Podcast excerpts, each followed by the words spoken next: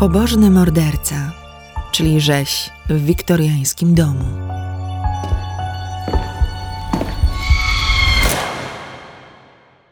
Wezwani przez sąsiadów policjanci zauważyli niezamknięte okno od piwnicy i przez nie, bezinwazyjnie, dostali się do środka wielkiej rezydencji Brice Knoll. Dom wydawał się ogromny, zatęchły i ponury. Funkcjonariusze usłyszeli przytłumiony dźwięk muzyki klasycznej, prawdopodobnie religijnych kompozycji Bacha, dochodzący z sali balowej na parterze. Dotarli do niej przez kuchnię, w której znaleźli sterty brudnych szmat. Jeszcze nie wiedzieli, że stąpają po posadzce świeżo umytej z krwi. W gigantycznej i nieumeblowanej sali balowej, oświetlonej ledwie dwoma czterdziestowatowymi żarówkami, dostrzegli przykryte tkaninami podłużne kształty. Zwłoki czterech ofiar. Ciała trójki dzieci leżały obok siebie, prostopadle do ciała matki. Muzyka Bacha dochodziła z głośników. Piąte martwe ciało starszej kobiety leżało na poddaszu w schowku. Wszyscy zginęli 29 dni wcześniej. W domu brakowało jednej osoby, żywej lub martwej, ojca i głowy rodziny, Johna Emila Lista.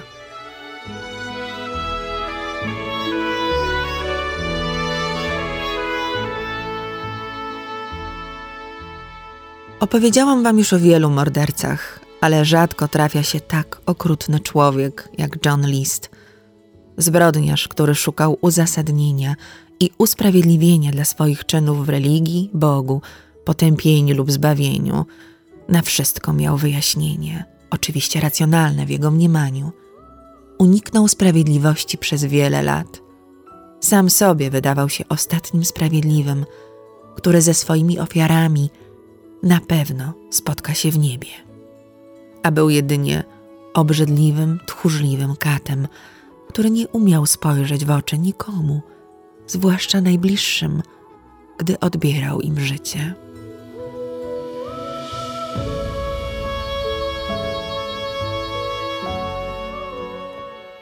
Urodził się 17 września 1925 roku w Bay City w Michigan.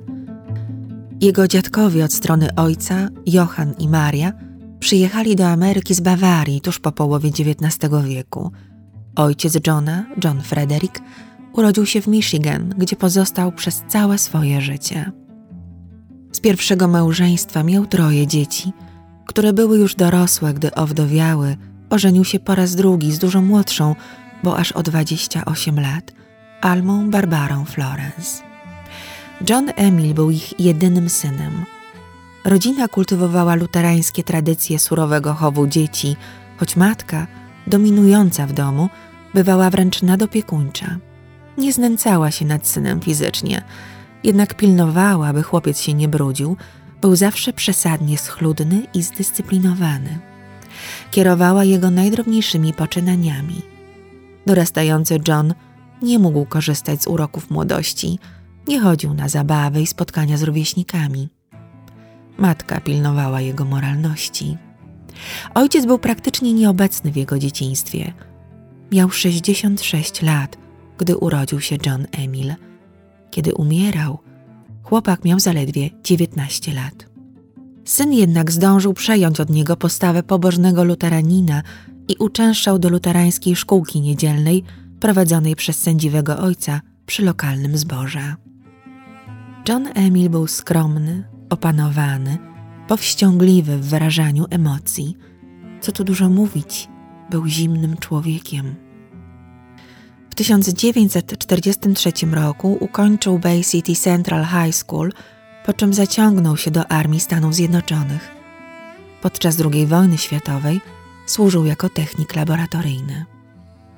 Odszedł z wojska w 1946 roku i podjął studia na Uniwersytecie stanu Michigan w Ann Arbor, które ukończył z tytułami licencjata w administracji biznesowej i magistra rachunkowości. Korpus Szkoleniowy Oficerów Rezerwy mianował go podporucznikiem i wydawało się, że nie wróci już nigdy do armii.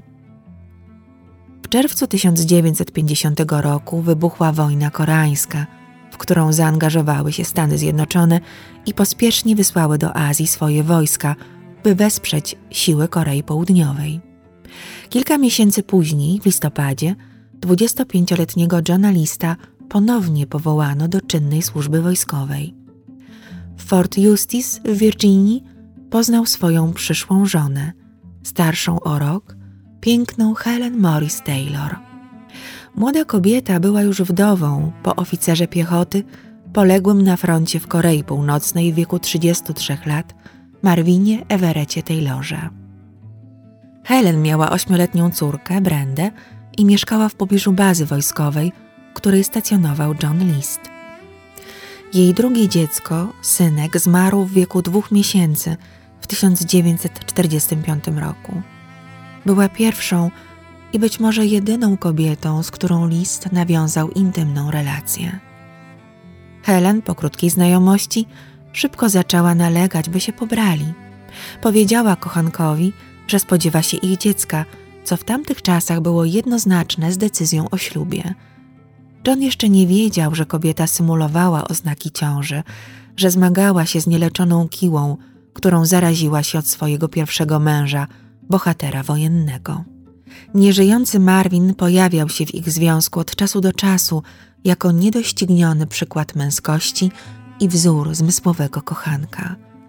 Na pewno Johnowi nie było w smak, że częściowo przynajmniej zostało to dowiedzione.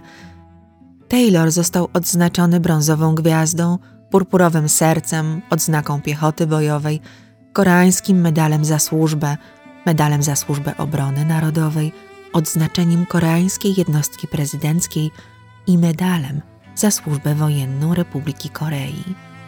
Lista wyróżnień i odznaczeń robiła wrażenie. Może to nie była miłość na śmierci życia.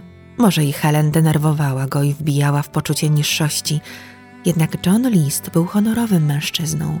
Nie wyobrażał sobie, że mógłby porzucić ciężarną kochankę. 1 grudnia 1951 roku John List i Helen Morris Taylor zawarli ślub w Baltimore w Maryland. Miejsce wybrała panna młoda, ponieważ w tym stanie nie wymagano przedmałżeńskiego testu na kiłę – co było powszechne w niemal całej Ameryce. Para zamieszkała w północnej Kalifornii, gdyż armia nie zamierzała wysyłać dobrego księgowego na front koreański i wcielono go do korpusu finansowego.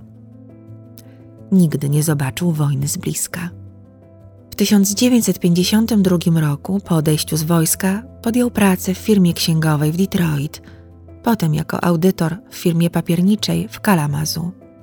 Tam też urodziła się trójka dzieci państwa List, córka i dwóch synów. List był cenionym fachowcem swojej branży. W 1959 roku awansował na głównego kierownika działu księgowości firmy.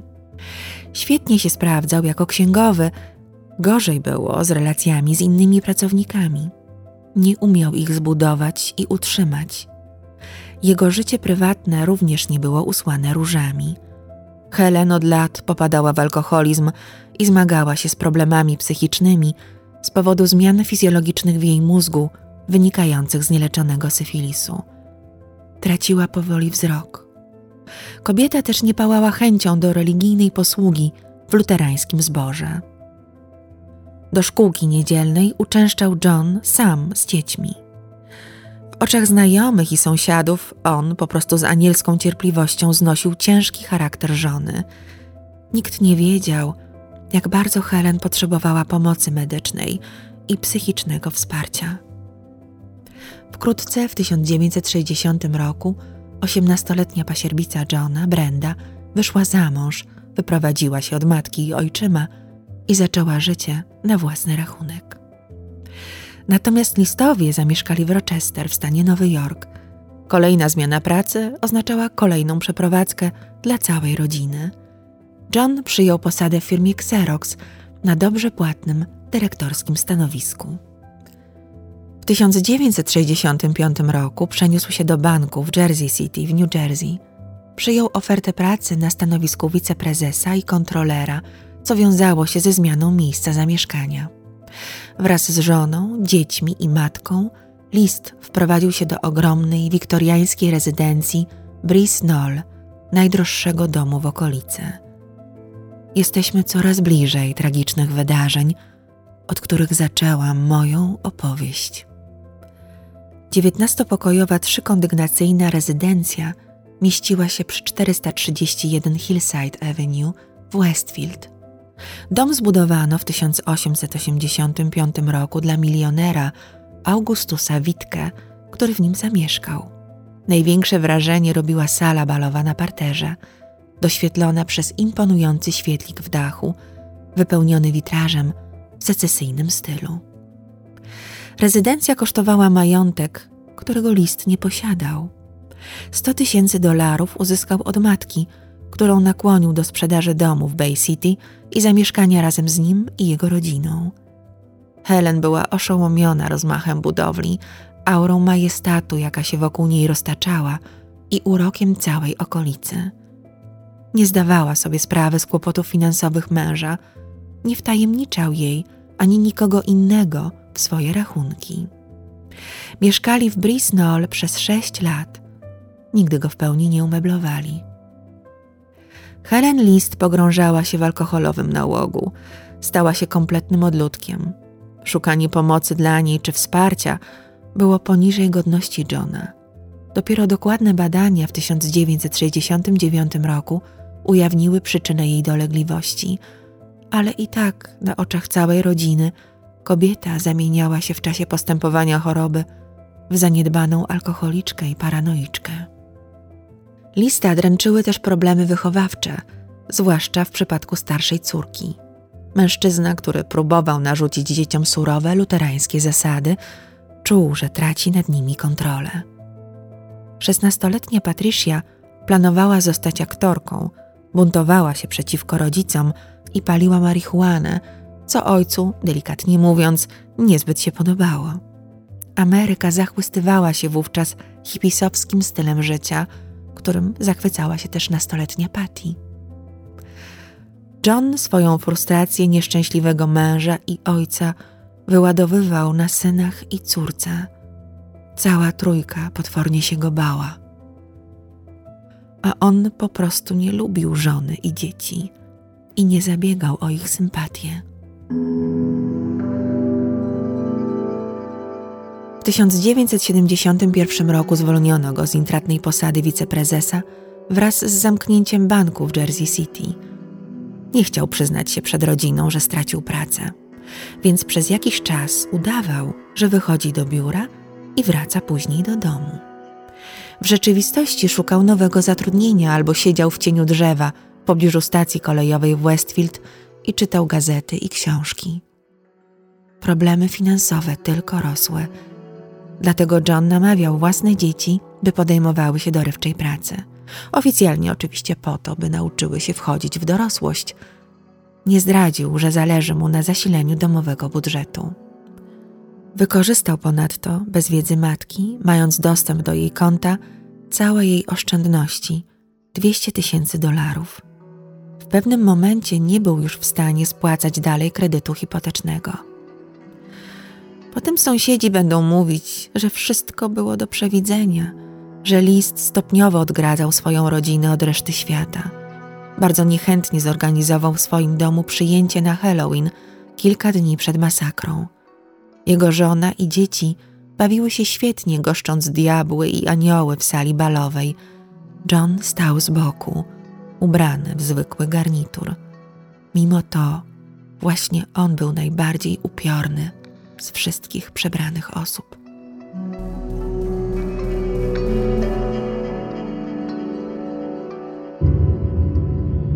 Po niemal dwudziestu latach małżeństwa John Emil List postanowił pozbyć się rodziny na swoich zasadach. 9 listopada 1971 roku użył półautomatycznego pistoletu Steyr M1912 kaliber 9 mm i rewolweru ojca Colt kaliber 22, by zamordować pięć najbliższych mu osób. Dzieci były w szkole, gdy jako pierwsza zginęła 47-letnia Helen tuż po dziewiątej rano. Kobieta piła kawę przy kuchennym stole. Strzelił jej w tył głowy. Następnie wspiął się na trzecie piętro do matki, która ubrana w podomkę przygotowywała sobie śniadanie. Starsza pani stała w kuchni w pobliżu schowka. Zdążyła zapytać, co to za hałas. Syn nic nie odpowiedział. Chora na artretyzm 84-letnia Alma była drugą ofiarą egzekucji. Kula przeszła przez jej głowę na wylot, wychodząc nad lewym okiem. Zwłoki matki leżące na wznak z rozrzuconymi rękami John zostawił w spiżarni, potem zszedł na dół i zawlókł ciało żony do sali balowej. Napisał listy do krewnych wyjaśniające jego decyzję, poukładał dokumenty, wykonał niezbędne telefony. Działał metodycznie, w przemyślany dużo wcześniej sposób. Był przerażająco opanowany. Gdy stygły ciała jego żony i matki, poszedł na pocztę i do banku, by spieniężyć obligacje oszczędnościowe Almy i pozamykać rachunki. Podjął ostatnie pieniądze, jakie mu zostały 2289 dolarów. Patricia zadzwoniła ze szkoły, żeby ją odebrał. Źle się czuła i chciała wcześniej wrócić do domu. Pojechał po nią. Jak tylko nastolatka weszła do domu, strzelił jej w tył głowy. Pocisk wyszedł przez szczękę, ale zabił ją na miejscu. Trzynastoletni Frederick Michael wrócił ze szkoły sam. Ojciec dokonał egzekucji również na nim, ponownie strzałem w tył głowy. W sali balowej leżały trzy trupy, gdy John przygotowywał sobie lunch. Zjadł go w spokoju i ciszy, z poczuciem spełnionego, choć niedokończonego obowiązku. Został jeszcze jeden członek rodziny. Piętnastoletni John Frederick, który najpóźniej dotarł do domu po treningu piłki nożnej w Westfield High School. Ojciec przewidział dla niego taki sam koniec jak dla Patty i Frederika. Tym razem jednak chłopak przeżył pierwszy strzał. Wówczas John stanął nad synem i wpakował w jego ciało kolejnych dziewięć kul. Martwe ciała Helen, Patty, Frederika i Johna spoczęły na skautowskich śpiworach na wspaniałym drewnianym parkiecie sali balowej. John przykrył im głowę ręcznikami. Dokonał swoistego, symbolicznego pogrzebu. Jak twierdzi John Douglas i inni współcześni profilerzy kryminalni, taki sposób potraktowania zwłok oznacza bliską relację z ofiarą. Przypadkowy sprawca, niepowiązany z zamordowanymi, porzuciłby najpewniej ciała byle jak, tam, gdzie dokonał zbrodni. Dlaczego zwłoki matki Johna zostały na poddaszu, wyjaśnił sam morderca. John pozostawił na biurku w gabinecie pięciostronicowy list skierowany do swojego pastora. Jego treść podano do publicznej wiadomości na łamach New York Timesa dopiero w 1990 roku. Posłuchajcie. List zaczął tymi słowy. Drogi pastorze Rewinkel, przykro mi, że obciążam cię dodatkowo w twojej pracy. Jesteś jedyną osobą, o której wiem, że nie akceptując tego, co zrobiłem, przynajmniej prawdopodobnie zrozumiesz, dlaczego czułem, że muszę to zrobić. Dalej w punktach John wyjaśnia motywy zbrodni, przede wszystkim finansowe. Nie do zniesienia dla niego była myśl, że mieliby żyć z zasiłku, wolał już wszystkich zabić, by do tego nie dopuścić. Wizja córki jako aktorki, co w jego mniemaniu wiązało się z porzuceniem wiary, doprowadzała go do rozpaczy. No i jeszcze była Helen, która nie chodziła do kościoła, a to mogło źle wpłynąć na dzieci i ich religijność. Cytuję dalej. Po wszystkim pomodliłem się za nich wszystkich, ze śpiewnika. A teraz ostatnie ustalenia. Helen i dzieci zgodzili się, że woleliby poddać się kremacji. Proszę dopilnować, aby koszty były niskie. Dla matki mam kwaterę na cmentarzu kościoła we Frankenmuth. Tu przerwę cytat, by wyjaśnić, że John pewnego wieczoru, oczywiście wyrażając troskę albo żartobliwe zainteresowanie, zapytał każdego członka rodziny, jakiego życzyłby sobie pochówku. Skrupulatnie zapamiętał, a potem zapisał udzielone przez nich odpowiedzi. I ponownie cytat. Nie wiem też, co stanie się z książkami i rzeczami osobistymi, ale w miarę możliwości chciałbym, aby były rozprowadzane tak, jak uznasz to za stosowne.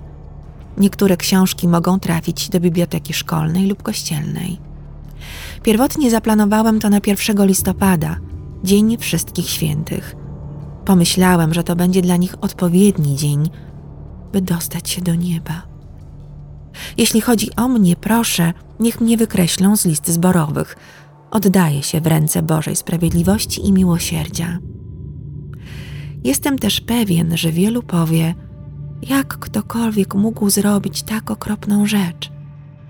Moją jedyną odpowiedzią jest to, że nie jest to łatwe i zostało zrobione po długim namyśle.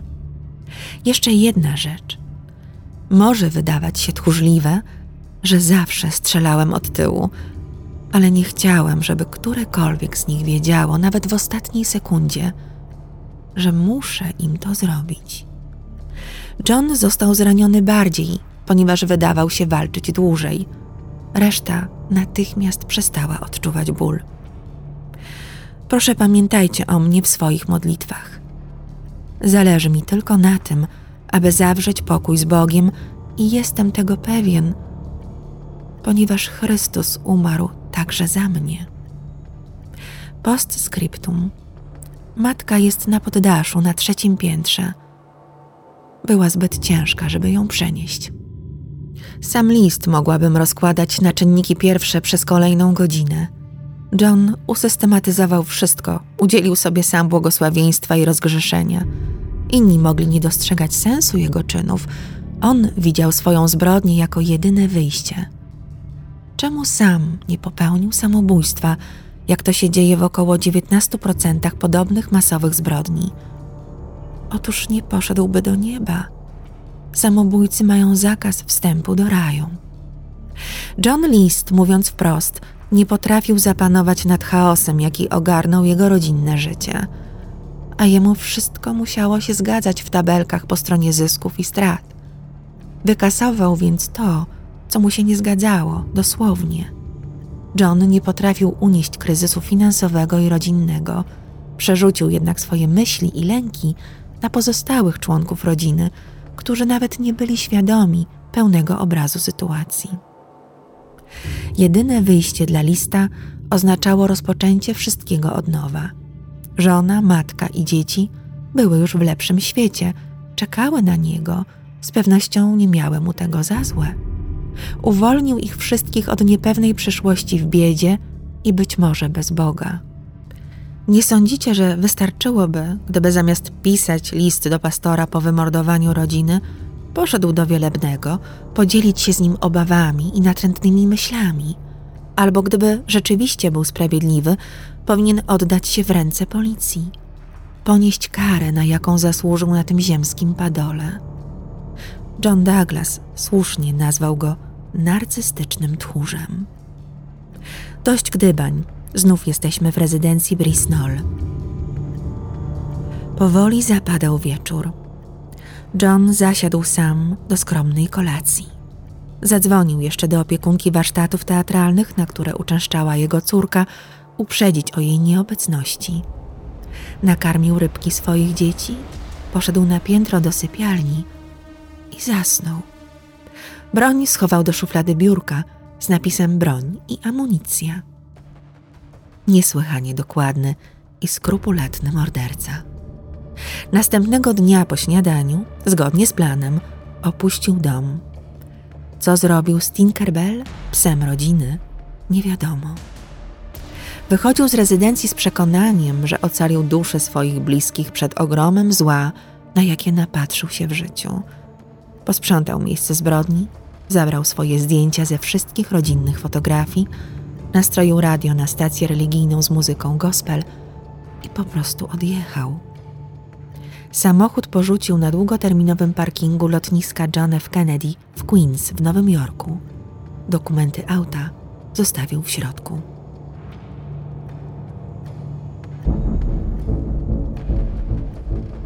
Przypomnę, zbrodni dokonał 9 listopada. Ciała odkryto 7 grudnia. Rodzina nie była specjalnie towarzyska, więc nikt nie zauważył ich zniknięcia. Poza tym list wysłał do szkół i do pracy swoich dzieci zawiadomienia o planowanym, kilkutygodniowym pobycie u chorej teściowej w Karolinie Północnej. Uprzedził również sąsiadów i innych wiernych ze zboru o swoim wyjeździe. Matka Helen rzeczywiście była chora. Nie spodziewała się jednak wizyty rodziny. Odwrotnie, to ona miała przyjechać do Westfield, lecz z powodu choroby została u siebie. Gdyby dojechała do listów, jak planowała wcześniej, John zabiłby i ją. Taki miał zamiar. Mężczyzna opracował plan zbrodni z najdrobniejszymi szczegółami. Wstrzymał dostawy mleka, poczty i gazet. Dom pozostawił rozświetlony przez cały czas. Żarówki świeciły się dzień i noc. Gdy w końcu zaczęły się przepalać i gasnąć, dopiero wtedy sąsiedzi zwrócili na to uwagę. Wezwali policję po tym, jak kierownik warsztatów teatralnych, zaniepokojony zbyt długą nieobecnością Patty, postanowił przyjechać i sprawdzić na miejscu, co się dzieje z rodziną listów. Nastolatka wspominała, że ojciec był surowy i kiedyś rzucił, że wymorduje całą rodzinę. Mężczyzna zabrał swoją współpracowniczkę i oboje podjechali na podjazd rezydencji. Wysiedli i kręcili się wokół domu, co nie spodobało się czujnym sąsiadom. James Moran, weteran wojenny, uczestnik bitwy o Ardeny z 1944 roku, przyszły szef policji w Westfield, był jednym z policjantów, którzy dokonali makabrycznego odkrycia w sali balowej. Moran, nawet po przejściu na emeryturę w 1986 roku, trzymał na wszelki wypadek jedno z ocalałych zdjęć Westfielda. Tym samym zdradzam wam nieco, że list pozostał długo nieuchwytny. Westfield nie było miejscem, w którym często dokonywano przestępstw. Okolica była spokojna, idealna do zamieszkania dla rodziny takiej jak listowie. Teraz miasteczko było w oku cyklonu szalejących mediów, które nie szczędząc odbiorcom detali, przedstawiały tragiczną historię rzezi w domu przy Hillside Avenue. Ostatnie takie zainteresowanie miasto przeżywało po porwaniu i śmierci małego Charlesa Lindberga juniora w 1932 roku. Cała Ameryka szukała Johna Emila Lista. Morderca zniszczył niemal wszystkie swoje zdjęcia. W czasach analogowych nie było to trudne. Choć zostawił auto na lotnisku, policja nie wpadła na żaden inny trop dowodzący, że opuścił Stany Zjednoczone. Ciało matki Johna, Almy, pochowano na cmentarzu luterańskim St. Lawrence we Frankenmuth w Michigan. Helen i dzieci spoczęły w jednym grobie na lokalnym cmentarzu Fairview Westfield. Przez kolejne lata policja obserwowała to miejsce podczas świąt czy rocznic, licząc, że pojawi się tam dręczony wyrzutami sumienia lub tęsknotą morderca. Nigdy nie odwiedził grobów swoich ofiar. Domu na wzgórzu, czyli Brisnol, nikt nie chciał kupić ani wynająć. Strawił go pożar w sierpniu 1972 roku. Podpalenia dokonano celowo, podpalacza nigdy nie namierzono. O ironio, w pożarze zniszczeniu uległ witrażowy świetlik w sali balowej, podpisany oryginał z pracowni Tiffany'ego, wart wówczas 100 tysięcy dolarów. Sam ten witraż spłaciłby długi Johna. Rodzina listów mogła dalej żyć, gdyby tylko tym się zainteresował. Zgliszcza zrównano z ziemią. W tym miejscu w 1974 roku postawiono nowy dom, który jest upiornie podobny do poprzedniego. Wciąż stoi i jest zamieszkany. Jego wartość liczona jest już w milionach, a nie w tysiącach dolarów. W 1972 roku zaocznie podejrzewano Johna o porwanie samolotu Boeing 727 obsługiwanego przez Northwest Orient Airlines w przestrzeni powietrznej Stanów Zjednoczonych 24 listopada 1971 roku. Podczas lotu z Portland w stanie Oregon do Seattle w stanie Waszyngton porywacz powiedział stewardowi, że jest uzbrojony w bombę, zażądał okupu w wysokości 200 tysięcy dolarów i czterech spadochronów po wylądowaniu w Seattle.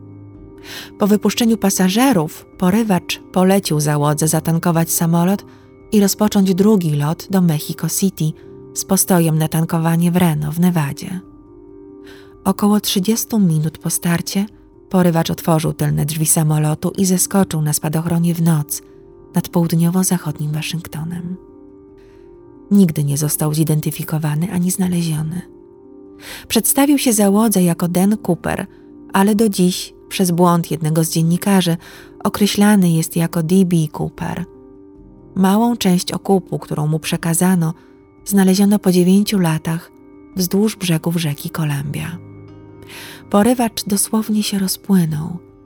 Dopiero po latach FBI uznało, że John List nie miał z tym nic wspólnego, choć pasował do profilu sprawcy zarówno fizycznie, jak i jego motywacja finansowa mogła się wpisywać w zuchwałe porwanie samolotu. Tymczasem John Emil List ukrywał się przez wiele kolejnych lat. W 1990 roku odtworzono szlak ucieczki mordercy. Najpierw pojechał pociągiem z New Jersey do Michigan, potem do Colorado. W ogóle nie wsiadał na pokład samolotu. Na początku 1972 roku zamieszkał w Denver, wyrobił sobie nowe ubezpieczenie i zatrudnił się jako kucharz w hotelu Holiday Inn w Golden, a potem dostał posadę księgowego.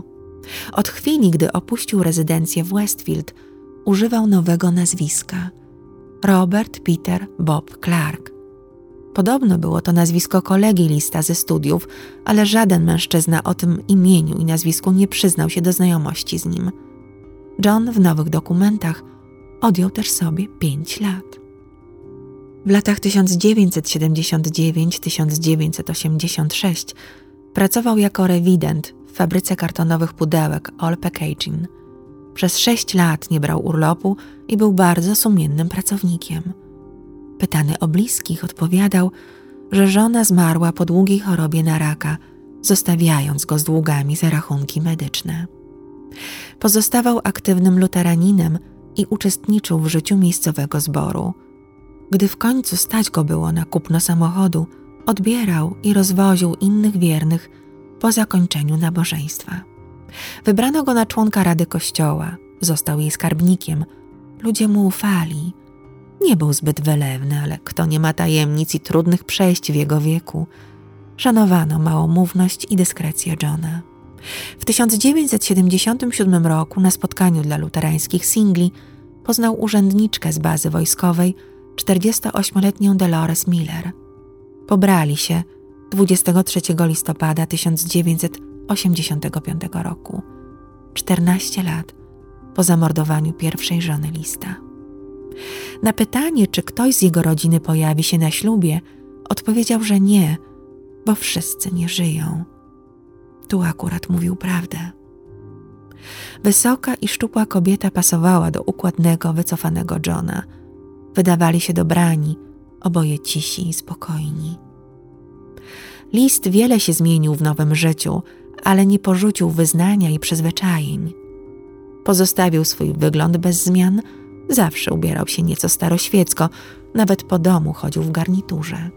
Uwielbiał muzykę klasyczną, czuł się patriotą, czytał komiksy, opowiadał o historii i grał w planszowe gry wojenne, w których zwykle brał stronę niemiecką. Jego życie było zorganizowane w szczegółach i przewidywalne do bólu. Nie palił, nie przeklinał, jeśli pił alkohol, to tylko wino. Codziennie wstawał i kładł się o tej samej godzinie. Podobnie było z posiłkami. Zagorzały antykomunista, lubił baseball, ale nie przepadał za piłką nożną czy boksem. Nowi znajomi opisywali go jako najspokojniejszego człowieka, jakiego kiedykolwiek spotkali. Gdyby tylko wiedzieli, że z tym samym spokojem, który tak podziwiali, strzelał w tył głowy swojej żony, matki i dzieci.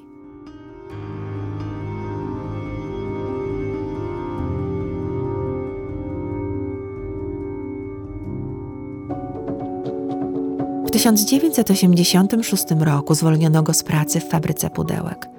Zarząd wprowadzał nowy system operacyjny i był przekonany, że Bob jest po prostu za stary na takie zmiany. John nawet nie okazał zdenerwowania, gdy usłyszał wypowiedzenie. Czekała go kolejna wolta w życiu i kolejna przeprowadzka. John, aka Robert, nie miał problemów ze znalezieniem pracy jako księgowy, choć już nie tak dobrze płatnej jak wcześniej. Razem z Dolores na dobre osiedli w Midlothian w pobliżu Richmond w Virginii.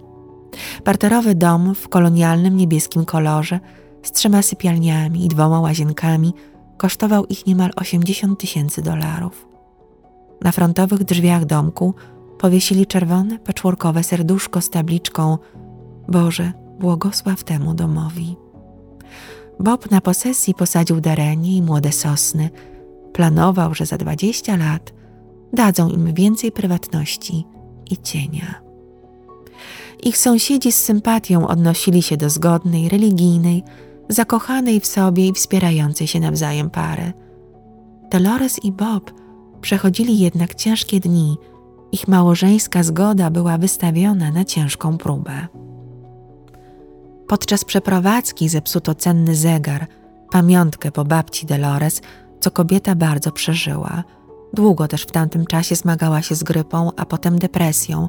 Oboje z mężem mieli wypadki samochodowe, nie wiedzieli co począć z poprzednim mieszkaniem. Drobne niedogodności i dolegliwości oraz kłopoty finansowe, które urostały do bardzo poważnych problemów.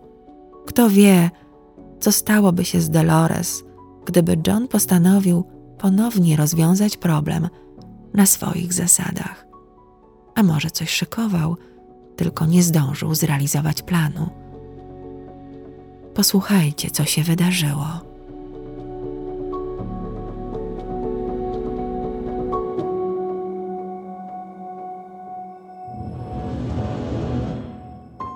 Niedzielny wieczór 21 maja 1989 roku w 66. odcinku programu z serii America's Most Wanted telewizji Fox w zaledwie 8-minutowym materiale przedstawiono nierozwiązaną sprawę zbrodni w domu listów.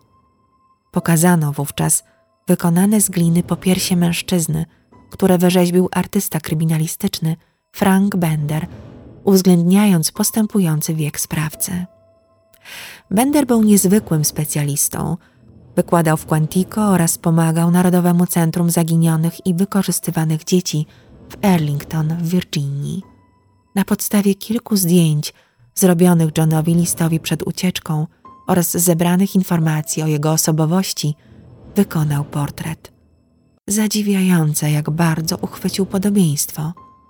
Nie tylko znakomicie oddał upływ czasu w rysach twarzy uciekiniera. Uznał też, że krótkowzroczny John nie będzie nosił soczewek kontaktowych, tylko nadal okulary, ale nieco inne niż wcześniej. Zamiast delikatnych oprawek wybierze grubsze, ciemniejsze, by trochę się za nimi ukryć. Dodałoby to mu ważności. W dniu aresztowania list nosił dokładnie takie okulary. W ciągu kilku dni od emisji programu zgłosiło się ponad 200 osób z podejrzeniami. Przeanalizowano każde zgłoszenie. Jedno okazało się trafne. Wanda Flannery z Colorado twierdziła, że po piersie przedstawia wypisz wymalu jej wieloletniego sąsiada, Boba Clarka, który przeniósł się do Virginii. Znała jego nowy adres, adres domku w Midlothian. 1 czerwca, niecałe dwa tygodnie po emisji programu, aresztowano mordercę w firmie księgowej Joyner Kirkham Woody w Richmond. Najpierw trzej agenci FBI udali się do domu Clarków. Drzwi otworzyła Dolores. Agent Kevin August wyjaśnił, że przybyli z powodu programu America's Most Wanted, po emisji którego ktoś rozpoznał w jej mężu zbiegłego mordercę.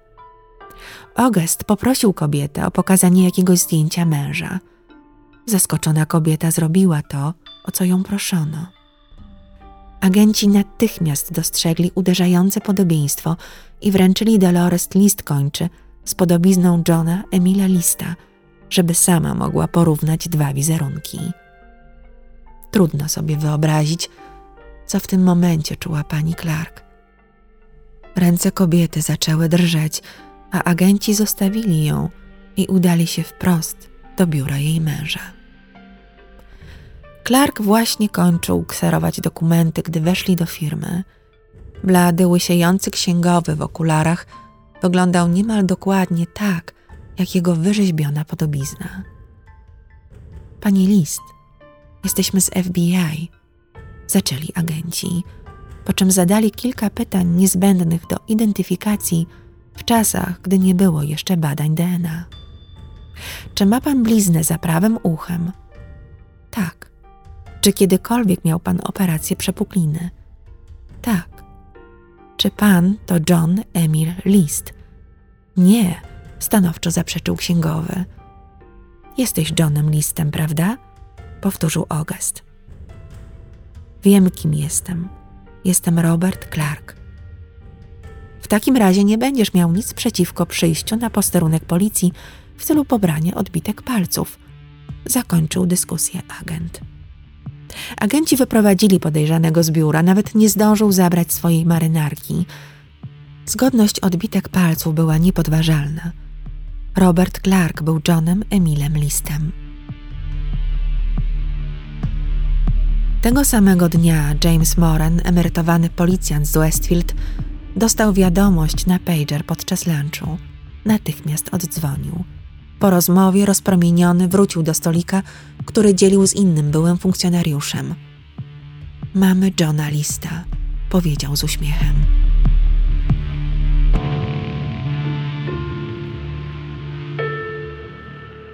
John Emil List przyznał się do zbrodni i dawnej tożsamości dopiero wiele miesięcy później, 16 lutego 1990 roku. Powtarzał to, co napisał w liście do pastora. Do zbrodni popchnęły go kłopoty finansowe, miłość do rodziny i wiara w Boga. List doszedł do ściany, mógł wziąć zasiłek, stracić dom i twarz, narazić się na ośmieszenie albo zabić całą rodzinę. Wybrał to drugie, w najlepszym według niego momencie, by dusze bliskich trafiły do nieba. On oczywiście dołączyłby do nich w zaświatach, za jakiś czas, rzecz jasna. Biegły psychiatra zdiagnozował u Lista obsesyjno-kompulsyjne zaburzenie osobowości i wyraził przekonanie, że mężczyzna może w przyszłości, w podobnych okolicznościach, pod presją, dokonać kolejnej zbrodni. Proces trwał dziewięć dni Obrońca Elijah J. Miller Jr. w mowie wstępnej podkreślił, że John zabił, cytuję, z miłości do matki, żony i dzieci. 12 kwietnia 1990 roku przysięgli po dziewięciu godzinach narady, uznali go winnym pięciu morderstw pierwszego stopnia. John Emil List został skazany na pięć kolejnych wyroków dożywocia, najwyższą dopuszczalną wówczas karę. O zwolnienie warunkowe mógł się ubiegać najwcześniej po 75 latach odsiadki. Skazaniec do końca nie czuł się odpowiedzialny za swoje czyny. Sędzia skwitował jego postawę. John Emil List jest bez wyrzutów i bez honoru. Po 18 latach, 5 miesiącach i 22 dniach nadszedł czas, aby głosy Helen, Alme, Patricia, Frederika i Johna podniosły się z grobu. Skrucha Johna była dość dziwna. Cytuję. Czuję, że ze względu na mój ówczesny stan psychiczny nie byłem odpowiedzialny za to, co się stało. Proszę wszystkich dotkniętych tą sytuacją o przebaczenie, zrozumienie i modlitwę. List bronił się jeszcze, wymawiał się zespołem stresu urazowego, którego podobno nabawił się w armii, ale jego apelacja została odrzucona. Dożył sędziwego wieku. 82-letni morderca zmarł 21 marca 2008 roku. Przyczyną zgonu były komplikacje związane z zapaleniem płuc. Zmarł po czterech dniach pobytu w St. Francis Medical Center w Trenton w New Jersey. Został pochowany obok swojej matki. Jego teściowa nie doczekała sprawiedliwości. Zmarła w sierpniu 1988 roku.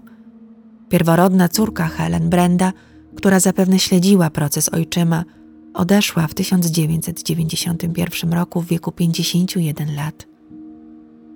John List przeżył całą swoją rodzinę. Wiele filmów dokumentalnych i seriali opartych jest w całości lub częściowo na historii Johna Emila Lista. W 2022 roku Netflix wyprodukował siedmioodcinkowy serial The Watcher, którego bohater John Graff, odgrywany przez Joe'ego Mantello, ma w sobie wiele z Johna Lista. John był masowym mordercą, co oznacza według definicji FBI, że zabił co najmniej cztery osoby w tym samym czasie w jednym miejscu. Jak już wspomniałam, prawie jedna piąta z nich kończy życie na miejscu swoich zbrodni, ginąc z własnej ręki lub zabita przez organy ścigania. Masowi mordercy to zwykle ludzie niezadowoleni z życia, słabo przystosowani społecznie, samotnicy. Ich motywy są dużo mniej oczywiste niż motywy seryjnych morderców. 96% z nich to mężczyźni. Seryjni mordercy są często psychopatami, masowi, paranoikami z psychopatycznymi tendencjami, okrutni, manipulujący, pozbawieni empatii. Dokładnie taki był John Emil List pod maską niezwykle spokojnego człowieka. Uważajcie na takich ludzi gdzieś kiedyś muszą odreagować swój pozorny, święty spokój. Źródła, z których korzystałam przy przygotowaniu odcinka to magazyn People, program America's Most Wanted, materiały z oficjalnej strony FBI, artykuły The Philadelphia Inquirer, Los Angeles Times i New York Times. Fragmenty listu mordercy cytowałam za New York Times w moim tłumaczeniu.